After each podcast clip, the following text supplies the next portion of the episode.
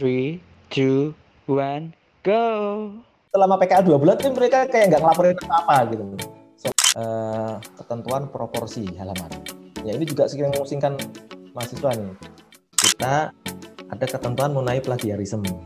Ya, Oh. yang Ini Pak, eh, teman-teman selanjutnya ini kan teman-teman banyak yang udah melakukan bimbingan Pak. Mungkin Bapak juga udah melakukan bimbingan dengan eh, anak-anak bimbingan Pak. 25 orang bimbingan saya langsung saya Iya Pak, banyak banget Pak bimbingan Bapak Pak. Bapak nggak pusing gitu Pak. ya saya bikin jadwal lah saya, saya kasih jadwal saya jam 9 lima orang oke nanti jam 10 lima orang nah, saya giliri itu biar efektif diskusinya Kayaknya Bapak ada dosen yang paling banyak anak bimbingannya, 25 orang. Biasanya cuma 10. nggak desain lain nggak ada sih yang sekarang banyak-banyak mas 15 sampai 25 memang Kalau tahun lalu emang dikit-dikit Pak ya? dan lalu saya paling maksimal cuma 14 kemarin tahun kemarin Oh, 14 Pak ya. Tahun ini kan Anda kan banyak banget 1900 1992 Oh, saya ingat tahun 1992 Nah, karena itu waktu itu Denmark juara Piala Eropa ya. Tapi Bapaknya eh, nggak ada masalah Pak ya, banyak bim- anak bimbingan gitu Pak ya? Nah, kita belum tahu ke depannya, Mas. Tapi yang kemarin sih bimbingan pertama sih lancar karena baru 11 membahas topik dan judul mereka, eh, rencana perolehan datanya mereka gimana sih. Asal saya atur waktunya sih bisa ya. Makanya saya nggak mau ngajar banyak-banyak semester.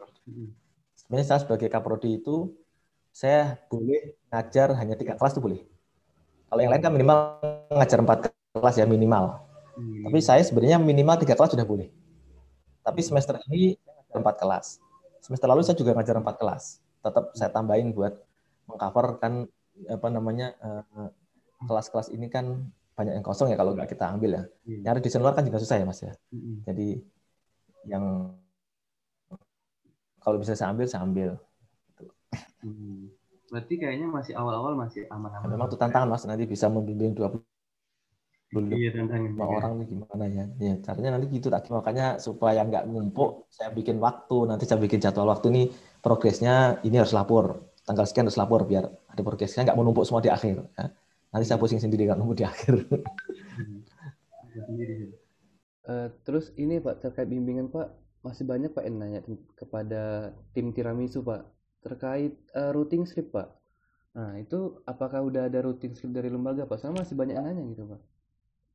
Kan ada minimal bimbingan Pak. Oke, sebenarnya di ya, di rancangan peraturan direktur itu ada routing slip ya. Hmm, Nanti saya coba tanyakan ke BAK apakah routing slip-nya ini formatnya sudah kita kita share ya. Iya. Kalau bisa kita share nanti akan saya share Mas di link yang kemarin ya. Hmm. Kemarin waktu mahasiswa saya bimbingan juga belum pakai routing slip ini. Berarti dicatat manual aja dulu Pak ya apa bahasanya. Sementara kan kayak saya sendiri saya, saya ingat kemarin baru bimbingan pertama 25 orang bimbingan semua. Nah, Oh iya. Terus ini Pak eh, terkait minimal kan ada dua kali minimal Pak ya proposal ya bimbingan minimal bimbingan itu ya. Saya mau nanya pandangan Bapak sih sebagai dosen karena mungkin eh, ini terjadi juga tapi semoga enggak sih. Kayak ada bimbingan fiktif gitu Pak. Jadi ada mahasiswa yang kayak cuman pengen memenuhi bimbingan aja gitu Pak. Kan apalagi kita lewat Zoom Pak. Kayak mungkin bisa off cam gitu kan, dengarkan Bapak ngomong gitu bimbingan. Nah, sebenarnya kayak mungkin di kelas-kelas pelajaran eh mata kuliah tuh kadang juga ada yang gitu kan kayak dosennya on cam, mahasiswanya off cam, mungkin tidur gitu. Kita nggak tahu kan, soalnya off cam gitu kan. Nah, menurut pandangan Bapak sebagai dosen pembimbing gimana dan mungkin saran atau wejangan Bapak lah untuk nah, ini memang eh, apa ya? Ini dua-duanya juga ya dari dosen maupun dari mahasiswa ya. Kalau saya sendiri saya nggak mau ada bimbingan fiktif ya. Jadi definisi bimbingan saya itu tidak tidak letterlek harus di Zoom ya. Kalau kita sudah ada discuss intens di WA misalkan jadi diskusinya, itu saya bisa anggap sebagai bimbingan juga bisa. Ya. Tapi kalau cuma nanya satu kali satu dua kali kalimat terus selesai, saya belum bisa consider itu sebagai bimbingan. Ya, itu yang namanya biasa itu. Tapi kalau intens misalkan ya dalam beberapa belas menit atau beberapa menit kok kita tanya jawab itu saya sudah saya anggap bimbingan meskipun tidak lewat gitu ya. Oh, Jadi iya. kita pengen semua dosen juga melakukan hal yang sama ya. Meng- Bagaimana kita mengkonsider sebuah konsultasi itu sebagai bimbingan atau tidak ya. Kalau pertanyaan baru pertanyaan ringan itu baru ya itu sih menurut saya belum bisa dianggap sebagai bimbingan ya. Kita harus intens ya. Ini ideal, idealnya seperti itu. Tapi memang kita harus sadari Mas, itu tidak semua dosen itu punya waktu luang. Apalagi dosen-dosen luar yang mengajar di PKN STAN kan hanya tugas tambahan saja nih. Tugas utama mereka kan di kantor-kantor mereka masing-masing. Nah, kita bisa pahami sepenuhnya itu. Bisa jadi mereka chat satu dua kali bisa jaga bimbingan. Saya sih bisa maklum, ya. Tapi yang penting adalah mahasiswa itu menjaga integritas, ya. Menjaga integritas. Kalau dia tidak pernah chat sama sekali ke dosen, tidak pernah nanya apa pun, jangan terus dia nganggap itu masukkan dalam uh, intensitas atau volume pembimbingan. Gitu loh. Kan yang rugi nanti dia sendiri. Iya, Dia belum dua kali, ya kan? Dia belum dua kali tapi dengan jawab dua kali, padahal nanti proposalnya mohon maaf eh, kurang kurang bagus ya sehingga Hmm. ketika dosen "Ini kok kayak gini ya kamu pernah bimbingan sama saya nggak sih Iya. Ini kan pertanyaan gitu loh ya jadi tolong ya ini kan juga melatih integritas dari teman-teman mahasiswa dan kita juga kemarin waktu pengarahan dosen juga kita dorong nah, dosen juga melakukan bimbingan secara totalitas lah secara penuh gitu loh jadi dua-duanya juga harus jalan ya mas ya dari mahasiswa maupun dari dosen Iya. saling mendukung lah Pak ya untuk ini Pak ya, bimbingan. Karena ini sebenarnya kalau dari mahasiswa juga menyulitkan mahasiswa Pak kalau mahasiswa kayak gitu kalau misalnya saya cuman kayak ngisi-ngisi bimbingan aja nanti saya yang bingung sendiri nanti. iya deadline gitu apa kan. kayak paraf-paraf tapi nggak dapat input-input berharga dari dosen pembimbing ngapain Iya. Berarti itu eh, boleh Pak ya berarti kita kayak nanya personal chat gitu ke dosen bimbingan kita untuk nanya-nanya. Ya, itu makanya bikin kesepakatan di awal, Mas. Kalau saya pribadi, ya jangankan bimbingan KTTA, orang mahasiswa nanya ke saya juga saya jawab. Kalau saya nggak sibuk juga cepat langsung saya jawab. Ah, Siapa pun yang nanya ke saya, mau dosen, mau mahasiswa, kalau saya lagi nggak sibuk bisa cepat saya reply. Gitu. Tapi kalau kadang saya tunda lama itu berarti memang saya lagi rapat atau lagi ngajar, ya nggak bisa kan saya uh, jawab secara segera. Gitu. Tapi kalau saya pribadi itu saya akan senang ada pertanyaan dari mahasiswa, apalagi bimbingan KTTA saya, bimbingan skripsi juga saya ada, ya. Dan kita harapkan juga dosen-dosen lain seperti itu. Ya, yang inti intinya kesepakatan di awal, Mas. Pak, ini selain selain jam konsultasi boleh nggak saya tanya eh, di luar jam konsultasi itu dengan Bapak lewat WA Japri? Ya, kalau boleh nggak masalah. Tapi kalau beliau nggak berkenan ya Anda ikut aja jam konsultasinya. Hmm. Terus Ya. eh, menurut Bapak kalau misalnya nih tempat saya sama tempat Bapak nih deket nih Pak. Nah, boleh nggak sih Pak konsultasi online gitu, eh offline gitu Pak, bimbingan offline? Misalnya jarak antara saya sama Bapak gitu. Dari pandangan Bapak sendiri gimana? Sebenarnya dia kesepakatan antara dosen dan mahasiswa juga ya. Hmm. Eh, kalau saya bimbingan saya kayak jauh-jauh sih ya. Tapi memang kalau sangat urgent banget pengen ketemu ya paling ketemunya di kampus nanti mas. Kebetulan rumah saya kan dekat kampus. Oh iya. kalau mau ketemu oke lah kita jumpa di kampus kalau yang benar-benar urgent harus ketemu gitu ya. Dan nanti kita tetap bisa bisa jaga jarak kan di kita kan ada ruangan-ruangan yang bisa apa namanya menjaga jarak kan bisa gitu. Hmm, kalau iya, emang iya. benar-benar harus ketemu gitu ya. Saya- kalau saya pribadi siap ya untuk plan ya. Berarti dari pandangan Bapak nih kalau memang urgent banget, memang butuh banget untuk ketemu dan kita harus menjaga jarak itu boleh Pak ya. Dan Ya, makanya kesepakatan sama dosen aja Hmm, gitu loh. Mau nggak dosennya? Hmm, ya. Terus eh, Kadang-kadang juga ada dosen yang tidak bisa tidak, tidak biasa pakai Zoom itu ya. nah Ya, iya jadi ada kalau- yang nggak Oh, malah seneng gitu. Bisa jadi ada yang seperti itu gitu. Mm-mm. Kita yang penting sama-sama enaknya gimana gitu ya. Yang jelas Hmm. protokol kesehatan tetap dijaga. Mm-mm. Oke, eh, selanjutnya ini Pak, mau penasaran sih Pak. Ada nggak sih Pak dari dosen-dosen yang keluhan nih terhadap mahasiswanya? Kayak, ah mahasiswanya nih mereka yang buat kok progresnya nggak ada-ada gitu. Atau keluhan-keluhan yang lain dari dosen, kan Bapak juga dosen pembimbing kan? Nah, ini juga sebagai cerminan kami untuk memperbaiki diri Ya. lah gitu Pak. Betul. Ya, karena ada nanya itu saya belak belakan ini. Ya, belak belakan aja Pak, nggak apa Pak. Nah, ini pertama mahasiswa itu suka apa ya? Hmm, sejauh pengalaman saya ini suka istilah jawabannya apa? Ngempet, ngempet hatinya. Batin aja. Dia punya masalah tapi dia batin aja gitu loh, Mas. Batin aja.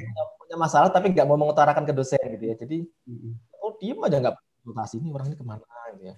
Hmm. Begitu konsultasi menjelang akhir deadline, Pak kemarin saya ada masalah gini loh. Kok kamu baru sekarang ngomong gitu loh. Kalau Iya. kamu ngomong kemarin-kemarin kan, kita bisa cepat eh, kasih jalan keluar gitu ya. Tapi kalau ngomongnya udah menjelang deadline dan gimana ya? Ya, itu sih cepat tetap harus kita selesaikan. Tapi mohon kali nggak seperti itu gitu. Kalau punya masalah harus segera konsultasikan ke dosen pembimbing. Itu pertama ya. Kemudian yang kedua ini yang yang paling kelihatan itu teman-teman kalau pas masuk periode PKL itu hampir pengalaman saya selama ini saya bimbing itu progresnya 0%. Nol Pak ya berarti ya. Benar-benar fokus PKL kayak Pak. ya. Selama PKL dua bulan tuh mereka kayak nggak ngelaporin apa-apa gitu. Kayak hilang kayak hilang ingatan soal KTTA. Eh, Anda PKL itu kan punya waktu banyak juga, apalagi nanti kalau PKL-nya di lokasi yang from home juga, Mm-mm.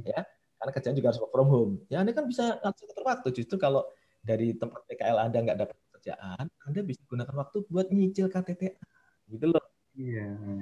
Ini hampir semua bimbingan saya gitu. Ketika KTTA tuh belas nggak ada yang konsultasi. Ini bocahnya pasti sibuk. Saya bingung, saya sibuk apa sih PKL gitu ya. Sampai nggak ada konsultasi.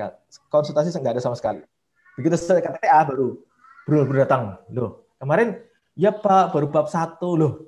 Bab satu kan sama aja masih di proposal. Jadi dari proposal. Jadi gitu ya, Mas. Jangan sampai ketika eh, PKL itu progresnya 0%. Ya. Iya. Kemudian nih yang ketiga nih, mahasiswa itu Hmm. suka nodong di akhir-akhir. Jarang Nodong, ya? ya tahu langsung, Pak ini udah deadline ini Pak, udah segini, gimana?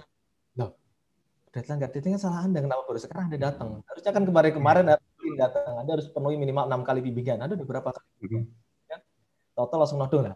Ini kalau Untung bikin di asik sih, Pak. kalau biasanya tegel istilah Jawa nih ya, kok tega, saya nggak mau tanda tangan KTP Anda, Hmm, Anda nggak lulus. Kan gitu. Tapi kan ya ini dosen kita tahu baik-baik ya. Iya. Oke, tetap kamu harus inilah kalau data-datanya kamu syaratnya gini, dikasih pembinaan dulu lah. Tapi Mm. kan ya, ya jangan begitu gitu loh. Itu kan menyusahkan diri Anda sendiri, jangan menyusahkan dosen juga gitu loh. Iya, benar. Nah, kemudian yang keempat, kalau dus, ma- mahasiswa itu punya masalah dengan dosbing, misalkan dosbingnya susah dihubungi segala macam, cepet-cepet lapor ke Kaprodi atau ke PA dulu ya. Lapor. Jangan laporinya tuh udah deadline baru lapor. Hmm. Kemarin kasus tahun lalu kan ada yang terlambat begitu. Jadi mahasiswa ini sudah submit KTTA ke dosen pembimbing itu dua atau tiga hari sebelum deadline KTTA ya. Tapi nggak direspon, tapi nggak bilang ke saya juga gitu ya. Dia bilangnya pas hari hanya, hari hanya itu pun siang. Pak ini dosen ini susah dihubungi loh. Ya, kenapa baru sekarang saya bilang ini? Iya, Kamu deket- udah berapa? Udah dua tiga hari yang lalu. Waduh, berarti hari itu juga saya langsung nelponin dosen bersangkutan juga nggak diangkat-angkat juga. WA, SMS nggak di- nggak dibalas juga. Saya bingung sendiri kan. Wah ini akhirnya responnya pun setelah terlambat. Jadi harusnya kumpulkan Jumat, baru ditekan bapaknya itu di weekend, Senin baru disubmit. Itu kan nggak, akhirnya kan di, di, di pending dulu sama BAK. Mm. Di pending dulu, kita proses dulu ini keterlambatannya karena kelalaian eh, mahasiswa atau kesalahan dosen. Ketika, oh ternyata kesalahan dosen, bisa kita terima, bisa dinilai. Gitu loh. Tapi kan nunggu lama tuh, berapa minggu tuh di pending. Temannya yang lain udah pada merevisi KTTA, udah pada dinilai, dia belum. Kan kasihan gitu ya. Jadi tolong kalau ada dosen pembimbing yang susah dihubungi, cepat hubungi dosen PA-nya dulu. Kalau masih belum bisa, hubungi saya. Itu tuh minimal berapa berapa hari, Pak? Misal dosennya nih slow responnya 2-3 hari gitu. Misalkan slow respon cuma satu hari kan ya kita tunggu aja. Sampai berapa hari? Soalnya dia Iya, sendiri betul. juga submitnya ke dosen pembimbing juga ada mepet. Jadi dua tiga minggu dia baru submit gitu loh. Makanya submitnya pun jangan mepet-mepet. Iya. Coba bayangkan kalau misalkan ada 10 orang aja datang, dua hari menjelang deadline, kan kasihan dosennya terus baca 10 KTTA. Itu 10. Nah kalau 20 KTTA datang ke saya dua tiga hari sebelum deadline gimana saya? Saya nggak ngerjain apa-apa selain baca KTTA. Iya. Ya kan? Makanya saya nggak mau nggak mau seperti itu nanti atur jadwalnya harus tanggal sekian tanggal sekian submit submit gitu ya. Sebenarnya kalau misalnya soal respon dosennya langsung hubungin Bapak ya. Untuk Hmm, ya. ya. Hmm. Ya kadang-kadang juga ngerti dosen slow respon itu belum tentu nggak peduli sama anda, mungkin lagi sibuk ya Mm-mm. segala macam. Jangan baru nggak dijawab berapa jam pak ini nggak cuma dibaca doang. Bisa jadi orang lagi rapat. Ya mungkin ya. lagi mana kan itu. Hmm, iya. Terus eh, sama mau nanya ini Pak. Tadi kan Bapak bilang kayak kalau misalnya nggak boleh mendem gitu Pak, nggak boleh membatin gitu Pak. Nah tapi itu kan eh, kami ini khawatir juga, takutnya dosennya risih juga kalau kami banyak nanya. Dari pandangan Bapak sebagai dosen ini gimana Pak? Masalah nggak? Gitu. Kalau anda punya masalah, minimal anda diskusi dengan temannya dulu, ya sharing sama teman diskus. Ya, ini kan dia kan juga nggak diskusi juga mas, dia batin sendiri gitu. Mm-mm. Jadi diskus dulu, siapa tahu teman punya pengalaman yang sama dan ada solusinya kan bisa. Jadi itulah pentingnya sharing ya, sharing sama teman-teman gitu. Baru nanti kalau masih belum bisa juga Anda ke dosen PA. Nah, kan ada dosen PA kan? Pak, PA Bu, Pak, ya. saya punya punya pengal punya masalah seperti ini gimana solusinya? Nanti kan dikasih solusi. Oh, nanti baru Anda bisa konsultasi dengan dosen pembimbing. Jadi nanyanya ke dosen pembimbing itu sudah benar-benar Anda tahu lah uh, beberapa alternatif solusinya. Jangan Hmm. saya saya masalah ini saya nggak tahu apa-apa Pak, nggak ada nggak ada Iya, alternatif solusinya kan juga. Dosen juga pusing juga kan harus harus uh, memikirkan itu. Jadi kalau nggak ada juga punya beberapa alternatif solusi yang Anda tinggal milih nih. Saya milihnya yang mana ya Pak ya kira-kira gitu ya. Oh gitu. Berarti ke dosen PA dulu Pak. Ini saya baru tahu sih Pak kalau misalnya ke dosen PA Iya. dulu. saya dulu juga sering ngadepin dosen apa mahasiswa yang PA saya itu Pak ada masalah ini saya kasih kan gini gini. Ada masalah yang minta data tak kasih Tapi misalnya terkait ini Pak, eh, KTTA mungkin dosen PA kan ada yang nggak dosen pembimbing nggak sih Pak? Atau semua dosen PA dosen semua dosen PA membimbing. Karena kan semua dosen PA dosen tetap PKN staff. Pasti membimbing. Tapi bukannya ini apa ya? Kayak beda matkul gitu. Misalnya saya eh, mata kuliah audit saya nanya ke dosen yang bukan expertnya di situ gitu Pak. kita nanyanya bukan mat- nanya substansi mata kuliahnya tapi ke teknis ya ke teknis penulisan ke teknis penelitiannya gitu loh mas kalau itu kan tapi konsepnya sama ya tidak harus ke arah materinya ya Kalau ke substansi itu udah langsung ke dosen. nah, istilahnya mencari problem solving ke dosen PA itu Hmm. Oh iya. Ini juga jadi kayak apa ya insecure atau kekhawatiran kami Pak kayak takut dosennya risih ya atau gimana gitu. Malah jadi Ya, kayak bete sama kita. Saya dulu kebetulan sih ya, tapi bukan KTTA. Saya dosen PA itu di itu, eh, anak-anak di bimbingan PA saya kelas 2 ya, kelas tingkat 2 semester 3 dan semester 4. Itu bahkan setiap ketemu saya mengajari akuntansi pemerintah. Kebetulan memang eh, dia pengen tahu lebih banyak tentang apem dan waktu itu dosennya mungkin sibuk ya, sehingga metode ngajar di kelasnya itu dengan cara presentasi. Jadi tiap tiap tiap minggu itu ketemu presentasi-presentasi ya. Itu kan menurut saya pribadi metode itu tidak cocok buat kelas setara diploma 3 ya. Kalau presentasi itu banyak kan untuk cocoknya untuk S1, untuk S2 gitu ya. Tapi udah tiga teknis harus benar-benar diajarin. Jangan hanya presentasi tapi nggak ada feedback dari dosen, ya itu kan kasihan. Saya ajarin apa tiap ketemu minggu saya ajarin materi. Jadi saya saya mau membackup gitu ya, membackup. Ya, dan saya lihat beberapa dosen lain juga seperti itu, siap memberikan bimbingan untuk mata kuliah yang memang mereka belum pahami.